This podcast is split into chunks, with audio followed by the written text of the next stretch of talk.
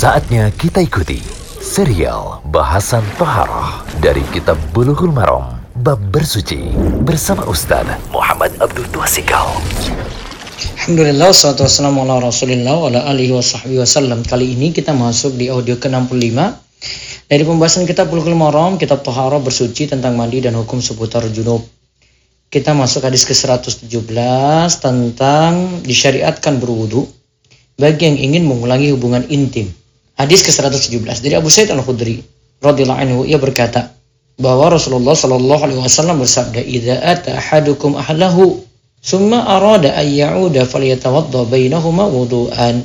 Rawahu Muslimun zada al-hakimu fa innahu anshatu lil 'audi.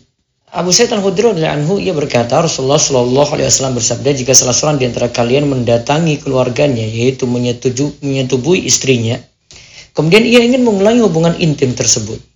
Dia ingin ulang lagi. Bisa jadi dia dengan istri yang sama atau mungkin dengan istri yang kedua ya atau yang lainnya ya. Hendaklah ia berwudu. Jadi dia tidak disuruh untuk mandi dulu ya. Nanti sekaligus dia itu mandi. Nah sekarang dia cukup berwudu. Dia hendaklah ia berwudu. Bersihkan kemaluan dahulu lalu berwudu. Ini keterangan dari Syekh Abdullah Fauzan. Ketika ingin hubungan intim lagi.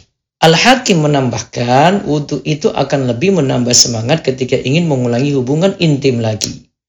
Wudhu itu akan lebih menambah semangat ketika ingin mengulangi hubungan intim lagi. Hadis riwayat Al-Hakim ini juga sahih. Kesimpulannya hadis ini jadi dalil tentang disyariatkannya wudhu bagi yang ingin mengulangi hubungan intim dengan istrinya. Bisa jadi dengan istri yang tadi sudah digauli atau dengan istrinya yang lain. Kemudian jumhur ulama menganggap bahwa hukum berwudu di sini adalah sunnah, tidak sampai wajib. Yang ketiga, sebab diperintahkan berwudu adalah agar kembali semangat. Allahu Demikian serial bahasan Toharoh dari Kitab Bulughul Maram Bab Bersuci bersama Ustaz Muhammad Abdul Tuasikal.